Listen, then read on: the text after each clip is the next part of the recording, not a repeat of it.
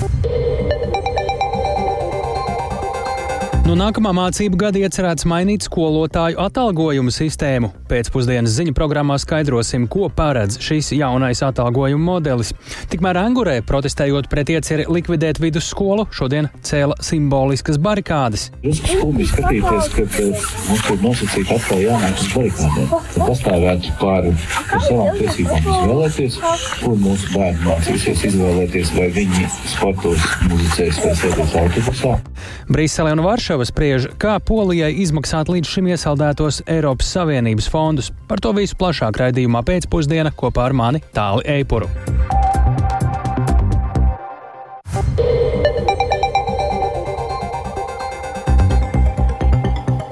Pūkstens rāda 16,5 minūtes. Skan Latvijas radio pēcpusdienas ziņu programma, skaidrojot šodien svarīgus notikumus. Studijā tālāk Eipurs. Labdien! Līdzinējo pedagoģu darba samaksas finansēšanas modeli nauda seko skolānam plānots nomainīt uz jaunu principu, kas balstīts tajā, cik reāli izmaksā katra izglītības programma. Pedagoģa arotbiedrība un pašvaldību savienība gan norāda, ka izglītības ministrijas piedāvātais modelis vēl nav pietiekami izdiskutēts, un jaunajā modelī ir neatbildēti jautājumi par pedagoģu slodzēm, kā arī par to, cik daudz līdzfinansējuma būs jāpiešķir no pašvaldībām. Ar jauno modeli šodien iepazīstināja izglītības ministrija, un tur līdzi sekoja arī Sintīna Ambota, kolēģe Sintīna, kā ministrija plāno mainīt esošo finansēšanas sistēmu. Kā jau tu ievadīji, jaunizveidotais pedagoģa darba samaksas modelis programma skolā paredz, ka mm, katra skola saņem finansējumu pedagoģu samaksai atbilstoši faktiskajām tieši izglītības programmas izmaksām. Jaunajā modelī gan arī finansējuma aprēķinos paredzēts izmantot dažādu lielumu, klašu kritēriju, tātad arī kvantitatīvu kritēriju. Uh, pašvaldības iedalītas astoņās grupās, un šie kvantitatīvie kritēriji sadalīti atkarībā no iedzīvotāju blīvuma. Klausāmies uh, mazliet izglītības ministrs padomnieci uh, politiku izstrādes un analītikas jomā Karīnu Caunītu Orupi. Aprēķinot finansējumu, mēs ņemam vērā šo izglītojumu skaitu klašu grupā. Tā pašā laikā mēs arī paredzam tātad šo pieļaujamo novirzi no skaita. Sākumskolas posmā ir šī pieļaujamā novirzi 25%, nu, kas faktiski nozīmē, ja septiņi bērni vai vairāk ir klasē, tad no valsts budžeta ir paredzēts pilns meditācijas apmērs. Savukārt, ja klasē, piemēram, ir pieci bērni, bet klasē vidēji būtu jābūt desmit, nu, pēc šiem kvantitīviem kritērijiem, tad attiecīgi pusi no kopējā programmas finansējuma saņemt izglītības iestādi no valsts budžeta un pārējos 50% būtu jāfinansē no uh, pašvaldības. Attiecībā uz vidusskolas posmu, tad uh, tur gan ir paredzēts, ka izglītības iestāde neatbilst šiem kvantitīviem kritērijiem, tad valsts budžeta finansējums pedagoģa atalgojumam netiek piešķirts, bet uh, visu programmas īstenošanu jāfinansē no pašvaldības līdzekļiem. Ministrija norāda, ka jaunais modelis skolās uh, ļaus tām kļūt autonomākām, un um, tas paredz arī būtisku uh, naudas pieaugumu uh, atbalsta personālam, kā arī paredzēta uh, nauda, piemēram, sociālajiem pedagogiem un karjeras konsultantiem, kas līdz šim nav finansēti no valsts budžeta. Modeli jau testējot visas pašvaldības, bet uh, kāda varētu būt ietekme uz uh, esošo skolu skaitu un pašvaldību finansējumu? Pagaidām tādu aprēķinu konkrēti nav. Kā ministrija tad plāno mainīt to esošo finansēšanas sistēmu? Un arī kāpēc to modeli maina, kāpēc vairs nevar turpināt to līdzšinējo ilgadējo principu, nauda seko skolēnam, tas jau mums bija tā kā tāda tēvreize. Mm, šos finansēšanas principus maina jau pat labam pašvaldības valsts piešķirto mērķdāciju pedagoģu darba samaksai sadala skolām atbilstoši pašu izvēlētiem kritērijiem. Tad pašvaldība saņem un pēc tam mm, novirza tālāk skolām pēc saviem ieskatiem. Ministrijas ieskatā veidojas nevienlīdzība dažādu lielumu skolās, un jaunais modelis paredz, ka turpmāk pašvaldības valsts mērķdāciju pārdals starp skolām vairs nevarēs veikt. Tātad, ja pašvaldība lem turpināt uzturēt skolu, kas neatbilst valsts noteiktajiem klašu lielumu kritērijiem, tā nodrošina atbilstošu līdzfinansējumu, lai e, šī arī pedagoģa samaksa būtu tādā pašā kvalitātē kā, piemēram, lielā skolā. Nu, varam paklausīties izglītības un zinātnes ministrs Sandras e, Čakšas no jaunās vienotības skaidrojumu. Te ir tas stāsts par to nevienlīdzības mazināšanu. Ja bija maz bērnu skolā, tad viņi pašvaldības ietekmē varēja saņemt ļoti mazu finansējumu. Šobrīd mēs saprotam, ka programmas realizācija maksā konkrētu naudu. Un, ja mēs esam pateikuši, ka šo vairs nesadz pilnībā valsts ar savu dotāciju, tad pašvaldībai ir jāpieņem lēmums un viņiem ir jāpiedalās tajā. Jo galvenais ir svarīgi šie ieguvumi, kas ir tiešām bērniem, mazināt šo nevienlīdzību attiecībā pret demogrāfiju, tāpat tās arī skolotājiem, mazināt šo nevienlīdzību viņu algu jautājumu attiecībā pret uh, demogrāfiju un kopumā virzīties uz uh, kvalitatīvu izglītību. Mērķis nav kaut ko aizslēgt, mērķis ir nodrošināt vienādas iespējas visiem bērniem Latvijā, ka tuvākā skola ir laba skola. Kādi tad šo modeļa nomaiņu skaidro ministre? Ko tad tas nozīmēs valsts budžetam, un es arī gribu saprast, ko pašvaldību maciņiem nozīmē, jo te pašvaldībām, es saprotu, īpaši uzsver šajās pārmaiņās. Pašvaldības Savienības padomniece izglītības un kultūras jautājumos Sināra Dundura norāda, ka par uh, jauno modeli un tā darbība un riskiem nav bijusi detalizēta saruna ar pašvaldību savienību, taču uh, viņa vērtē, ka uh, Eh, piedāvāto modeli nevar saukt par programmu finansējumu, jo nav aprēķinu, cik tad izmaksā viena vai otra programma, lai skola to realizētu, bet ar vien tas tiek tātad balstīts uz skolēnu skaitu. Un eh, šī sistēma, protams, radīs lielu ietekmi uz pašvaldību budžetiem, eh, ja ietver lems saglabāt skolas, kuras neatbild, neatbildīs šiem kvantitatīvajiem kritērijiem, un tas noteikti būs ļoti izaicinoši. Varam paklausīties Dunduras kundzi izglītības zinātnes ministrijai pirms šī modeļa ieviešanas vienlaicīgi ar izstrādi bija jāveic saruna ar satiksmes ministriju, ar vides aizsardzības reģionālās attīstības ministriju. Diemžēl pagājis vairāk nekā pusgads, mēs neredzam rezultātu. Proti, nav izstrādāta programma skolēnu pārvadājumiem, autobusu iegādēji, jo šobrīd pašvaldībām pieņemot lēmumu par skolu tīkla vēl lielāku koncentrāciju nepieciešami papildus autobusi. Par ceļu infrastruktūru mēs redzam, kādas problēmas šogad ir ar ceļu tīrīšanu un ar, ar sabiedriskā transporta kustību. Jā, tādas šādas uh, problēmas iezīmē arī pakārtotas tālāk pašvaldības savienība, bet um, jauno finansēšanas modeli plānots ieviest no šobrīd no nākoša, ne, no, nu jā, no nākošā mācību gada, mācību kas, ir šai, jā, mhm. kas ir šajā gadā, jau 1. septembrī. Par to vēl notiek individualizētas sarunas ar pašvaldībām. Savukārt pašvaldību savienība aicinājusi ministriju pirmdien uz diskusiju par šo modeli. Jā, tikmēr, sakot paldies eh, Sintī Ambotē, mēs varam teikt, ka Izglītības un zinātnes darbinieku arotbiedrība iepriekš jau ir atgādinām vērsus uzmanību, ka ilgstoši netiek risināts streika sarunu vienošanās par pedagoģu darba slodzes balansēšanu vēl šogad un arī nākamgad, kad jau it kā šim jaunajam modelim vajadzētu sākt darboties. Nu, un eh, šobrīd arī pie mūsu klausulas ir Latvijas Izglītības un zinātnes darbinieku arotbiedrības vadītāja Inga Vānaga. Labdien! Sveicināti! Divos vārdos sākumā, lai mēs saprastu, cik dziļi esat šajā stāstā, jums šis ir viss diezgan liels jaunums, vai arī arotbiedrības un ministrija jau kārtīgi ir kopā pastrādājuši, lai šo ierosinājumu veidotu? Nu, mēs esam centušies sadarboties un līdz pagājušā gada, tātad decembrim, uh, taču, diemžēl, mūsu rīcībā nav informācija par izmaiņām. Un pēc pēdējām sarunām, kas bija ar visām nozares organizācijām pagājušā gada nogalē, mēs neesam informēti, vai ir ņemti vērā vai nav ņemti vērā būtiski mūsu iebildumi un arī priekšlikumi. Ko šodien uzzinājāt par to?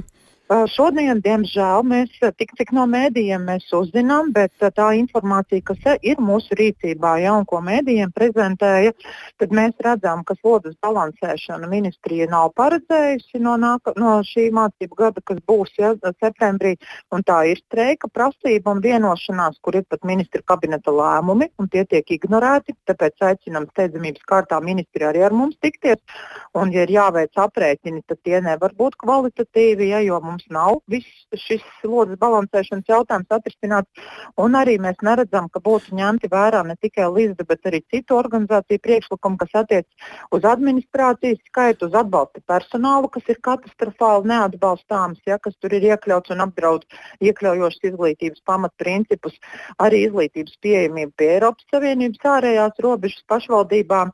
Un tiešām šī reforma ir ļoti, ļoti vajadzīga un sen bija jāpāriet uz šo modeli, bet redzot, kā viss notiek gan komunikācijā, gan aprēķinos, ja, gan šajās visās uh, proporcijās, ja, tad uh, teikšu, kā ir. Mums ir ļoti lielas bažas, ka šī reforma var būt kārtējais eksperiments uh, gan ar skolēniem, gan skolotājiem. Tas var būt ļoti Labi. liels pārbaudījums direktoriem, pašvaldībām un arī vecākiem. Kā šobrīd izskatās pēc tā, kas tur ir jūsu rīcībā um, no publiskās un nepubliskās sarunas ar ministriju pedagoģi no jaunā mācību gada pēc šīm pārmaiņām varētu saņemt vairāk vai taisnīgāk par padarīto? Uh, algas grafika kontekstā saņems uh, vairāk, tam tā būtu jābūt, ja, bet tas, kas ir saistīts ar šo slodzes balansēšanu, tam ministrija nav paprasījusi ne eiro no 24. gada budžetā, un šajā jaunajā modelī ministrija nav neko tam papildus rēķinājusi. Pat nav devusi, nu, redzat, kā var aprobēt, nu, pilotēt pašvaldības un skolas modeli, kurā nav iekļauts iekšā tātad eh, nākamais slodzes balansēšanas solis, par ko mums bija jāvienojās līdz pagājušā gada maija beigām, tad pagarināja termiņu uz oktobri, tad uz decembri, un tad ko tad tās pašvaldības un skolas var rēķināt, pilotēt. Un, un te es teiktu, es ļoti vērst uzmanību vecākiem. Ja, ja ir viens psihologs un viens uh, sociālais darbinieks, viens uh, speciālais pedagogs uz si- 600 bērniem un viens logopēds uz 300 bērniem, tad par kādu mēs nu, kvalitatīvi iekļaujošu izglītību jaunajā modelī varam runāt. Ko jūs redzat šajā modelī attiecībā uz skolu skaita izmaiņām? Vai tas kaut kādā veidā vai spiež vai provocē vai veicina to, ka tās mazākās skoliņas eh, vai skolu tīkla vai pieejamība, vai te varētu būt kādas izmaiņas uz skolu skaita samazināšanas pusi, ko šis, uz ko šis finansējuma modelis, pedagoģa atalgojuma modelis vairāk virza? To, ka ir jāpieņem daudz viet šie nepopulārie lēmumi, mēs nevaram noliegt. Ja? Pašvaldības jau to dara, bet tas, kas tiešām ir ļoti, ļoti būtiski, kad ir individuāli jāvērtē. Nu, katra skola jau un katras skolas lomu, jo te mēs arī piekristu apgalvojumam, ka maza skola nenozīmē sliktu Bet šis jaunais modelis tā kā vēl vairāk to veicina, lai uz to ietu, jo Jā, es sapratu, tur ir diezgan Jā. skaidri pateikts, ka pašvaldībām, ja tās vēlas savās teritorijā kaut ko vairāk, kas ir iespējams, nekā ir iespējams par valsts naudu, tad viņām pašām ir jāmaksā klāt, vai arī nesanāk. Uh, Pašvaldības noteikti pieņems šos nepopulāros, sāpīgos lēmumus, jo jau šī gada budžets parāda to, ka pašvaldībām ir uzlikti jauni pienākumi, tā skaitā nu, uh, saistīti ar izglītības nozari un nesaistīti, kas prasa papildus lielus ieguldījumus, un kur jau nepietiek nauda, tad uh, mēs jau redzam, ka ir virknē pašvaldībās jau ir šie lēmumi, jo likums nosaka, ka Mhm. ka pašvaldībām ir jāpieņem lēmums par skolu slēgšanu vai reorganizēšanu līdz 1. martam, un tāpēc mēs arī ministrijā lūdzām pēc iespējas ātrāk iedot visu pilnīgo informāciju, vai kad un kādos termiņos un kādi ir aprēķini, un vēlākais, kad visām iesaistītajām pusēm jābūt skaidrai informācijai februāra vidus, Jā, lai labi. pašvaldības zina, ar ko rēķināties, mm. direktori un arī skolotāji. Lielas paldies Inga Vanaga, Latvijas izglītības un zinātnes darbinieku arotbiedrības vadītāja dienā, kad sabiedrība ir iepazīstināta ar pedagoģu jauno darba samaksas finansēšanas modeli. Daudz vietā Latvijā šajās dienās notiek 91. gada barikāžu atceres pasākumi. Šodien tāds bija arī pie Angūras vidusskolas, tātad par skolām arī turpinām, tukuma novadā šis. Uh, taču pieminot barikādes, kurās piedalījušies arī Angūras skolas uh, vecākie pedagoģi, angurnieki šodien nostājās paši aiz savām barikādēm. Tās bija veidotas no ārā iznestiem skolas soliem un sakrustotiem baļķiem. Novada domē februārī jālemj, vai nākamajā mācību gadā Angurē vēl būs vidusskola. Vairāk par situāciju ievas puķis sižetā. Ziedengūras vidusskolas skolēni. Šī vieta nav pamests nostūris kurzemes kartē. Iebraucot pagasta centrā, pamanāma gan rosīgā ceptuve kukula, kas izveidota pirms trim gadiem, gan jaunais mazjūras alus brūzis, gan apkārtnes lielākais darba devējs zivju fabrika Unda. Braši kūp arī ar malku sildāmās Angūras vidusskolas katlu mājas skurstenis. 1991. gada barikāžu piemiņas pasākumā garajā starpbrīdī arī tepat laukumā sakurts simbolisks ugunskurs. Direktora vietnieks datorikas skolotājs Kaspars Kārkliņš savu uzrunu sāk ar stāstu, ka pirms 33 gadiem viņa vecāki no Rīgas atsūtīja uz Anguru pie vecvecākiem, lai paši varētu piedalīties barikādēs, un tā viņš šeit palika, kļuva par Angurs patriotu. Divi viņa bērni ir beiguši šo skolu, viens vēl mācās bet nesot zināms, vai jaunākajam tā vietā nebūs jādodas skoloties uz tukumu, jo vecākās klases no nākamā gada varētu slēgt. Mēs neesam tikai skaitļi Excel tabulās. Mēs neesam tikai ēka un grāmata. Mēs esam cilvēki, katrs ar savām mājām, katrs ar savām ģimenēm, bērniem, nākotnes cerībām kaut kādām. Un kā jau to pierāda piemēri visā Latvijā, tad ik viena skola ko viņi pieķerās un sāk reorganizēt, ar to pamazām sāk beigties. Talsu novada domas deputāti vakar lēmuši, ka nākošajā mācību gadā vairs nebūs skolas kolkā. Bērni no turienes dosies mācīties uz mērsragu. Demogrāfiskās situācijas dēļ sarūkot audzēkņu skaitam mazajās lauku skolās tiek pārmesta nespēja nodrošināt izglītības kvalitāti. 1979. gadā atvērtajā renovētajā Angūras vidusskolā mācās 218 skolēni, no tiem vidusskolas posmā diemžēl tikai 29. Bet sliktā izglītības kvalitāte gan nav Angūras stāsts. Intervijā Latvijas radio saka skolotājs Kārkliņš. Kvalitāte mums ir laba. Mēs diezgan stabili turamies eh, otrajā vietā novadā eh, pēc centralizēto eksāmenu rezultātiem aiz eh, Tukmraņa gimnāzijas. Šobrīd uh, ir pazuduši visi citi formulējumi no jaunajiem šiem pat nenoteikumiem, bet vadlīnijām. Un, ja kādreiz bija dažādi standarti noteikti un atkāpes, tad šobrīd ir noteikts tikai un vienīgi skaits, kas ir 60 skolēnu vidusskolas posmā, kam mums pietrūkst apaļpusi. Un pēc kopējā iedzīvotāja skaita Angūras pagastam vienīgajam novadā šobrīd ir augšupeja. Kopš 2018. gada tas atkal ir pieaudzis, sasniedzot 2,5 tūkstošus. Angurē ir bērnu dārzs un mākslas skola. Ceļā uz Tukuma otro vidusskolu būtu jāpavada 24 km. Taču uz Anguri mācīties brauc arī bērni no bērns-ciema, kam ceļā uz Tukumu būs jāpavada stunda katrā virzienā. Arī Tukuma novada deputāts Oskars Kambala, kas pats dzīvo Angūras pagastā, atzīst, ka vidusskolas klašu likvidēšana būtu sāpīgs lēmums, jo iepriekš deputātiem bija teikts, ka šis izglītības līmenis paliks tur, kur mācībām ir pienācīga kvalitāte, kā tas ir Angūrē. Bet divas nedēļas atpakaļ pie mums domē ieradās ministre Čakšs kundze un te parā, parādīja savu redzējumu, kā viņi redz tagad ministrijā, ka paliek tikai kvantitīvie rādītāji, nav vairs runa par kvalitāti tiek vienkārši pateikts, mēs jau neko, mēs jau neslēdzam. Jums kā pašvaldībai jāizlemj. Un e, ņemot vērā to, ka mums viens izglītojamais vidusskolas, e, vidusskolas posmā izmaksā aptuveni 5000, tad mēs ļoti vienkārši varam pareizināt, ja mums mācās pašreiz 30 izglītojamie, e, tas ir 150 tūkstoši katru gadu, ja mēs nepiekrītam tam, ka mēs slēdzam šo vidusskolas posmu. Angūras pagasta budžetā šādas naudas nesot. Oskars Kambala uzskata, ka deputāti šajā gadījumā ir pamesti zem riteņiem, un Angūrai būtu vajadzējis dot vismaz trīs gadu pārejas laiku. Barikāžu pasākumā uzstājās arī skolas absolventi, kura nākamajā mācību gadā paredz atgriezties šeit kā skolotāja, un cer vēlāk redzēt mācāmies savus divus bērnus. No Tukuma novada domas izglītības pārvaldes neviens no uzaicinātajiem viesiem neatbrauca. Ieva Puķa, Latvijas radio. Laba izglītība ir viens no valsts drošības pamatiem, bet eh, kā visām trim Baltijas valstīm sadarboties, lai aizsargātu un uzturētu īpaši svarīgu infrastruktūru, kā arī nodrošinātu transporta savienojamību reģionā? Par to Rīgā spriež Latvijas, Igaunijas un Lietuvas parlamentārieši. Deputāti kopā ar ministriju pārstāvjiem secinājuši, ka šajās lietās ir jāsadarbojas, bet uh, Infrastruktūras aizsardzībai visās trijās valstīs nav jābūt gluži vienādai. Vienlaikus, piemēram, Rail Baltica gadījumā drošības situācijas dēļ gan būtu jāsadarbojas koordinēti. Vairāk Jāņa Kīņš ierakstā. Gatavošanās teorētiskai X stundai ir gatavošanās nezināmajam un arī draudi mainās. Šāda tēze pavadīja Baltijas parlamentu pārstāvju sarunas par nepieciešamo sadarbību kritiskās infrastruktūras jomā.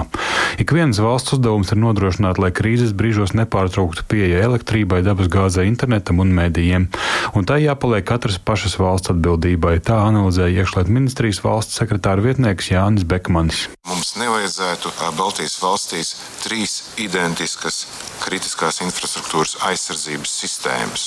Taču ir vairāk kā skaidrs, ka kopīgā sadarbība starp mūsu valstīm ir ārkārtīgi nozīmīga, ņemot vērā mūsu austrumu kaimiņu strateģiskais mērķis tāpat mums visiem jau ir skaidrs, proti, nodrošināt, lai šī infrastruktūra sniegtu sabiedrībai nepieciešamos pakalpojumus.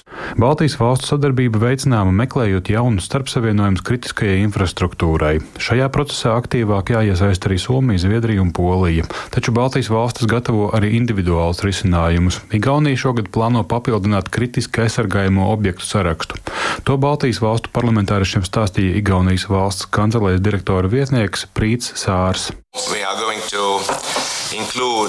Jaunais likums kritiskās infrastruktūras objektu sarakstā iekļaus pārtikas veikalus, aptiekas, radio un televīziju. Tas nozīmē, ka būs vairāk aizsargājamu objektu, un tas notiks sabiedrības interesēs.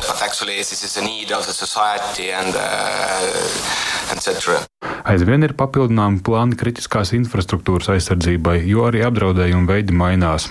To apliecina arī nemitīgie uzbrukumi kibertelpā. Tādēļ nevar atslābt ar ieguldījumiem aizsardzības sistēmu un programmatūras atjaunošanā, uzsvēra Lietuvas Nacionālās aizsardzības ministrijas aizsardzības politikas padomnieks Andrijus Mitskus. Kritiskās infrastruktūras uzturētājiem jābūt skaidram rīcības un uzdevumu plānam militārās eskalācijas gadījumā.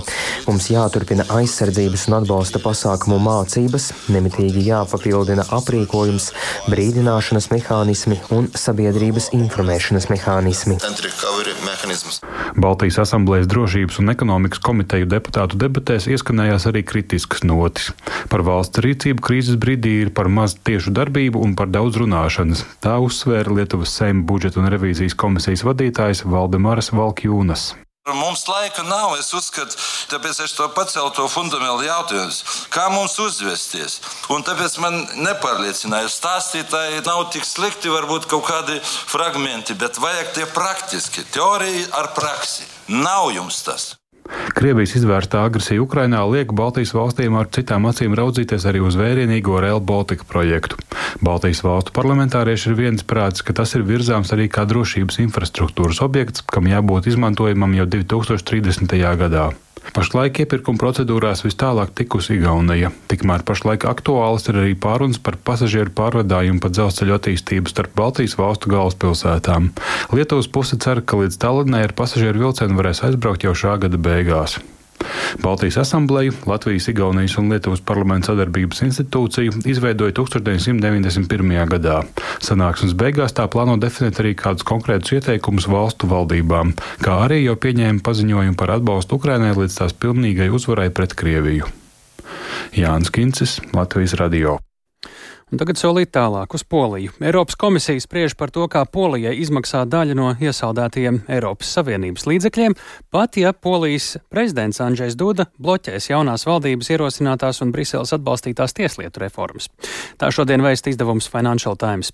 Laikraksts arī norāda, ka līdzekļu atbloķēšana ir viens no centrālajiem sarunu tematiem šīs dienas Eiropas Savienības tieslietu komisāra Didie Reinders vizītē Varšavā.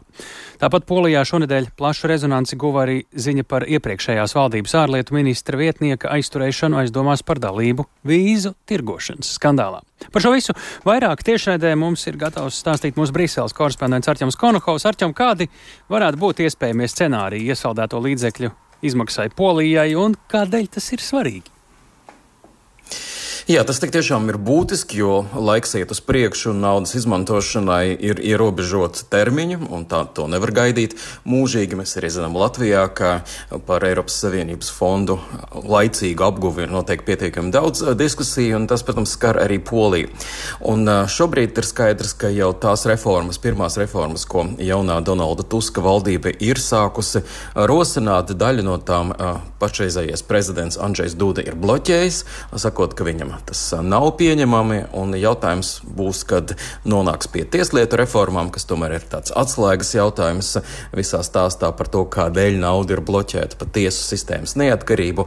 Ja mēģinās šīs Briseles un arī Eiropas Savienības tiesas ieteiktās reformas ieviest, vai tās nebloķēs prezidents, un ja viņš tās bloķēs, tad, protams, nauda būs grūti izmaksāt. Un tāpēc arī tiek meklēti dažādi risinājumi, kā no retorikas pār tādu lab, tādām labām attiecībām, par to, ka tiešām situācija ir mainījusies, pāriet arī pie darbiem. Un tas ir tas uzdevums, kas šobrīd ir gan Varšavai, gan arī zināmā mērā Briselē. Un, tāpēc arī Kā norāda laikraksts Financial Times, Didier Reinders, tieslietu komisārs, šodien apmeklēja Varšavu.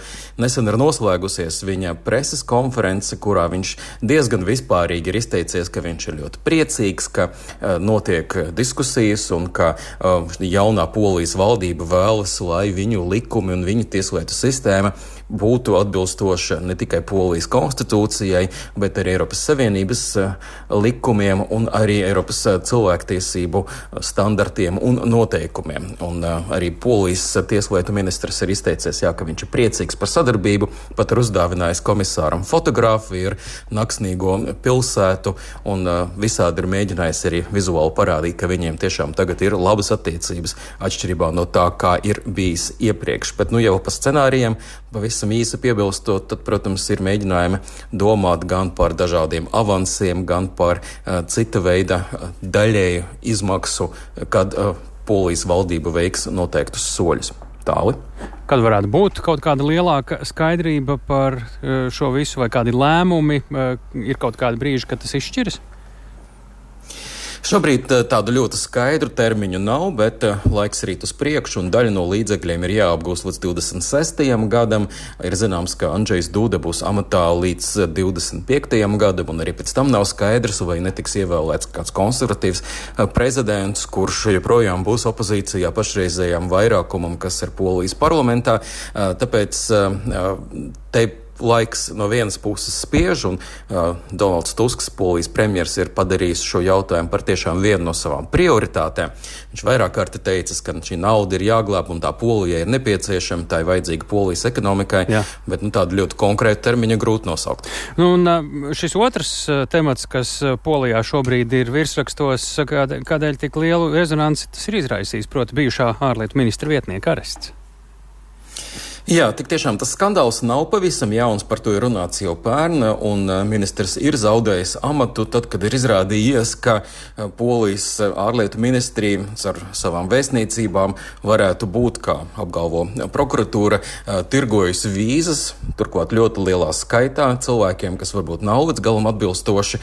Un, Tas ir parādījis, jā, ka varbūt tā retorika, kas iepriekšējai polijas valdībai ir bijusi pret to, ka nevajadzētu migrantiem iebraukt Eiropā, ka viņi tad ļoti karavīgi noskaņot ir bijuši, ka nu, ar daļa no šiem cilvēkiem tomēr nodarbojās ar vīzu tirzniecību, nu, tiem pašiem cilvēkiem, kuri varbūt citādi Eiropā neiekļūtu, tiem pašiem migrantiem. Un, tad, tad tikai šīs jaunās valdības laikā prokuratūra ir rīkojusies un ir aizturējusi šo ministra vietnieku. Viņš gan arī tika pēc, pēc, pret ķīlu atlaists, bet tas ir izraisījis pietiekami lielu uzmanību. Un, pa, kā šo soli skaidroja prokuratūras preses pārstāvis Lukas Lapčinskis, mēs varam tagad paklausīties.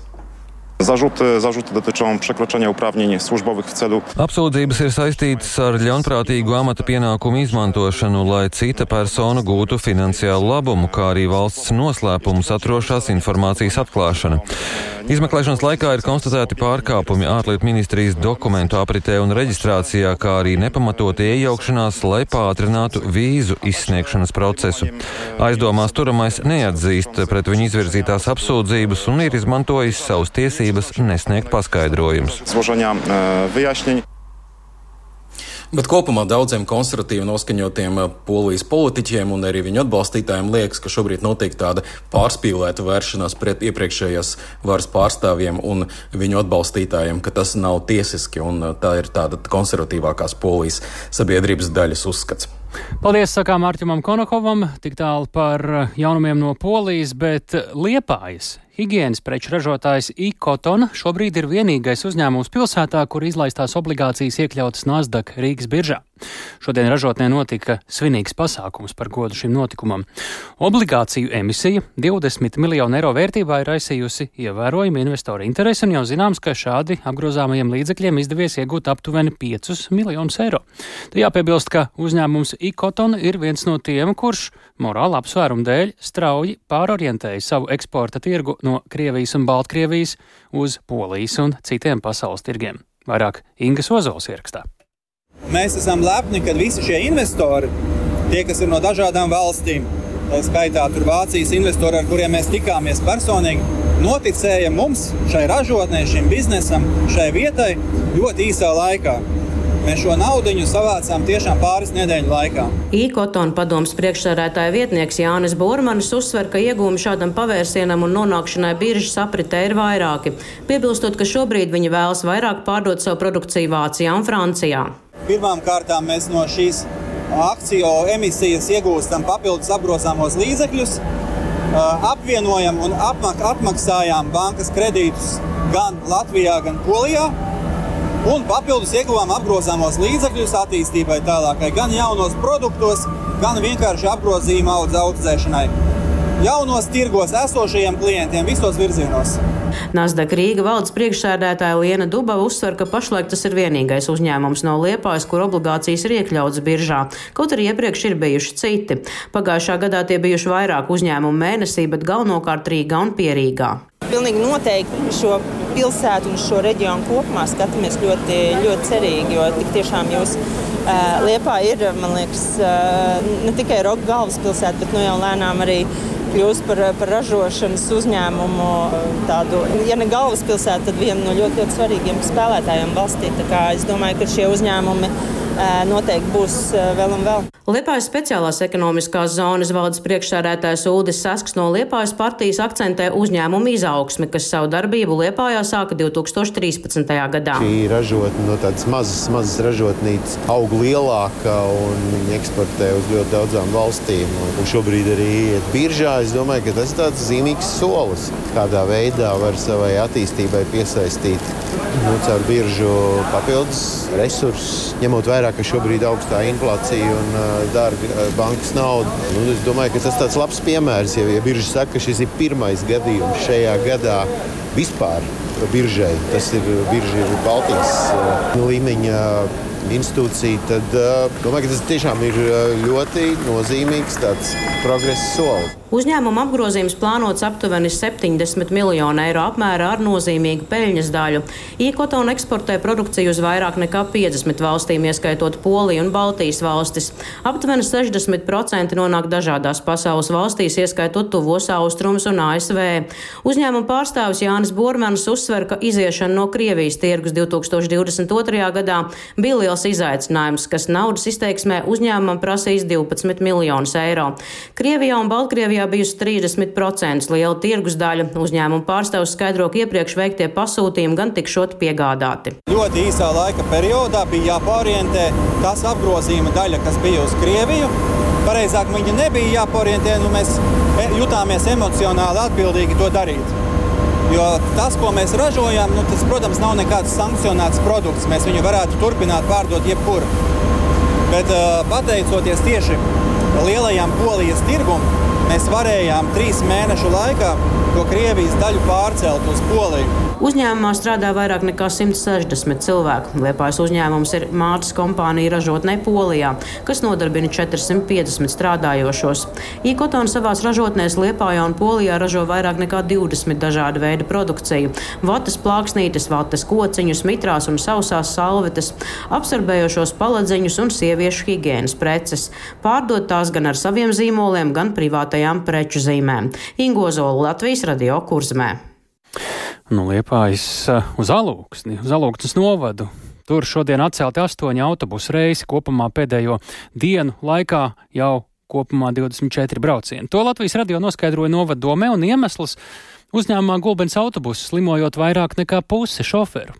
Lai problēmas mazinātu pašvaldības skolēniem vairākas reizes ir norīkojusi savu transportu. Pasažieri par atceltajiem braucieniem ir sašutuši, norādot, ka pie pilsētas autoostas informācija par izmaiņām nav bijusi. Kādu problēmu varētu atrisināt Viktora Damīdova ieraksts?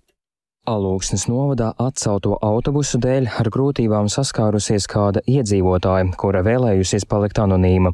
Viņa stāsta, ka vakar no rīta pēc naktsmaiņas vēlējusies nokļūt uz ciemu strautiņi, taču autobus tā arī nepienāca. Pie autos tas parādās tikai viens autobus, tas ir uz api. Tad viņš aiziet un stāv vēl viena sieviete. Viņa gan izmisīgi tam šoferim apes vēl jautā un rāda nu, to sarakstiņu, eh, ka autobusi kursē, un es saprotu no tā, kad kaut kas ir mainījies, tad izrādās, ka autobus nekursēs, nu šoferis tā saka, un tad es paņemu uzreiz, paskatāmies mājaslapā, Lūsnes novads, un tur izrādās, jā, ka no rīta ir ielikts, ka autobus nekursēs. Lai nokļūtu uz strautiņiem, sievietē nācās vērsties pie paziņas, kas viņu nogādājas galamērķī. Viņa stāsta, ka tobrīd pilsētas autoosta vēl bija cieta. Turklāt informācijas par izmaiņām pie autoostas nebija. Cilvēks strādājot vai no rīta grib pamostos, nevienmēr gaida tādu satricinājumu, ka pēkšņi es tieku līdz pilsētai, un no pilsētas man vairāk ceļa tālāk nav. Problēmu izprotot arī kapitāla sabiedrības turētājs Gulbenes pašvaldība. Turpina domas vadītājs Andis Caunītis no Latvijas reģiona apvienības. Līdzīgi kā ar tiem nu, dzelzceļa vilcieniem jaunajiem. Negribās kaut ko salīdzināt vai piesaukt, bet visbiežāk jau informācijas trūkums ir kaitinošākais, ja laicīgi kaut ko pabrīdina vai pasaka, ka nebūs, lai negaida, nerēķinās, tad nu, meklē citu alternatīvu. Kopš trešdienas uzņēmums Gulbenes autobus Alūksnes novadā atcēlis jau 24 reisus. Šodien nenotiks pat 12% no plānotajiem. Atsevišķus reisus nāksies atcelt arī gaidāmajās brīvdienās. Tā Latvijas radio noskaidroja noskaidroja uzņēmumā, kur atzīst, ka visus braucienus viņi nevar veikt gripas dēļ, kas skārusi pat pusi no šoferiem. Pat labam slimojot 9 no 17 vadītājiem. Taču risinājums ir atrasts, turpina uzņēmuma valdes loceklis Gundars Kristapsons. Un ap pirmdienu mums uh, divi šoferi nāk klāt, nu, respektīvi ne no slimības nāk, ja, bet uh, mēs tātad papildus esam vēl vienu šoferu atraduši no mūsu pašu Gulbenes autobusa, Gulbenes filiālas šoferiem, un viens mums nāks palīgā no Balvu autobusu parka šoferiem. Tādā ļoti optimistiskā variantā teikt, ka vāra būt, ka pirmdien mēs visus varētu izpildīt, bet, nu, protams, jābūt piesardzīgam. Par neizpildītajiem braucieniem pārdātājiem draud sots, kas mērāms simtos eiro. Tā teica autotransporta direkcijā norādot, ka precīzi soda apmērs būs zināms mēneša beigās. Direkcijā arī norāda, ka pārvadātājiem informācija par reisu izmaiņām jānodrošina visos iespējamos kanālos, arī autoostās. Viktors Demidovs, Latvijas radio. Ziema var sagādāt ne tikai rūpes, bet arī priekus. Ceturto reizi vēsturē šodien atklās, atklātas pasaules jaunatnes ziemas olimpiskās spēles. Tur piedalās arī Latvija un pirmie sportisti, mūsu sportisti Dienkorejā vai citu valstu to tūdaļ Lotārs Zariņš precizēs ieradās jau pirms nedēļas, un apstākļi tur uz vietas ir augstā līmenī, bet nav iztikts arī bez viena otra kuriozi. Nu, piemēram, hokeistiem ģērbtuves jādala ar kādas citas valsts komandu. Bet vairāk par spēlēm mums ir gatavs pastāstīt Lotārs Zariņš. Sveiki, Lotār, iesākumā par to, cik tad vispār ir nozīmīgas šīs jaunatnes ziemas olimpiskās spēles, kādu vecumu jaunieši tur startē. Tie jau ir tuvu profesionāliem sportistiem vai tie ir skolēni? Nu, tie ir vecumā no 14 līdz 18 gadiem, un uh, kopumā spēles norisinās tikai 4. reizi. Pirmais piegājiens bija 2012. gadā Innsbrukā. Austrijā toreiz Latviju pārstāvēja 16 atlēti, un uh, toreiz arī Latvija jau pārveda pirmos uh, cēlmetālus, uh, piemēram, Augusts Vasļonaks iegūza zeltu hokeja individuālo prasmu disciplīnā, toties kamniņu braucēji pārveda sudrabu un bronzu, tāmām trešo vietu ieguva Ula Zirne, kas arī pārstāvēs Latviju pieaugušo olimpiskajās spēlēs. Mm. Šoreiz, kas pārstāv Latviju, tie ir kādi uzvārdi, par kuriem mēs dzirdēsim arī nākotnē, vai kā mēs varam teikt? Ar cerību, protams, jā, kopumā 45 sportisti, kas līdz šim lielākā delegācija Latvijas jaunatnes uh, Ziemassvētskajās spēlēs uh, pārstāv, pārstāvēta. Kopumā tie ir 11 sporta veidi, ir kērlings, biatlons, bobslejs, skeletons, kamniņu sports, uh, distanču un kalnu slēpošana, tāpat ātras lidošana, daļsadošana, šortreks un arī hokejs 3 pret 3 formātā. Un uh, uz šo pēdējo disciplīnu tad arī ir tās lielākās cerības, un tieši arī hokejs veido to lielāko Latvijas, uh, saka, komandu delegāciju, un savā ziņā tas ir eksperimentāls turnīrs, eh, lai pārbaudītu, kāds ir šis 3 pret 3 turnīrs uz eh, starptautiskā ledus un spēles noteikumi pavisam vienkārši. Spēle vienā zonā ar vārtiem eh, abās laukuma pusēs un nedrīkst pielietot spēku paņēmienus. Tās dinamisks hokejs, bet par to, kādi jau kuriozi jau notikuši vietas, vairāk stāsta Latvijas Omaskās komandas presa pārstāvja Lāsma Ločmele ekipējums ir, viss ir kārtībā. Jāmin, ka ģērbtuves eh, viņiem ir dalītas. Es gan neesmu informēta, kādu komandu viņiem ir dalītā ģērbtuve, bet jā, tas ir tāds interesants fakts, ka viņiem nav sava personīgā lielā ģērbtuve, bet ir jādalās ar vēl kādu valsti. Visādi citādi puiši šķiet stalti uz ledus, uzvilkuši Latvijas ģērboni un, un ir priecīgi un gatavi un enerģijas pilni. Un, uh, izskatās tiešām, ka komandā arī ir tāds liels valda komandas gars, kas uh, liek mums liels cerības uz puišiem, ka veiksmīgi arī ies spēlēs. Jā, tā bija Lāsma Ločmela. Lotāra, kad uz starta dodas pirmie Latvijas pārstāvji? Rīta rasē dodas kamaniņu braucēji, tāpat arī starts tiks dots hokeja turnīram, un svarīgākais, ka visiem sportistiem, jā, nu, kā jau teica arī Lāsma Mans, ir atnākuši, šīs atlēti ir gatavi, un spēles norisināsies līdz 1. februārim. Sekojam līdzi skatienu uz Dienvidu Koreju, turot īkšķi par jaunajiem Latvijas olimpiešiem. Paldies Lotāram Zariņam, paldies arī, ka klausījāties Latvijas radio ziņdienas tveroto pēcpusdienas programmu. To veidoja Tāls Eipors, Lauris Zvejnieks, arī Uldis Grīmbergs un Iveta Zvejniece. Klausieties mūsu katru darba dienu pēc ziņām 16 un 5 minūtēs. Yeah.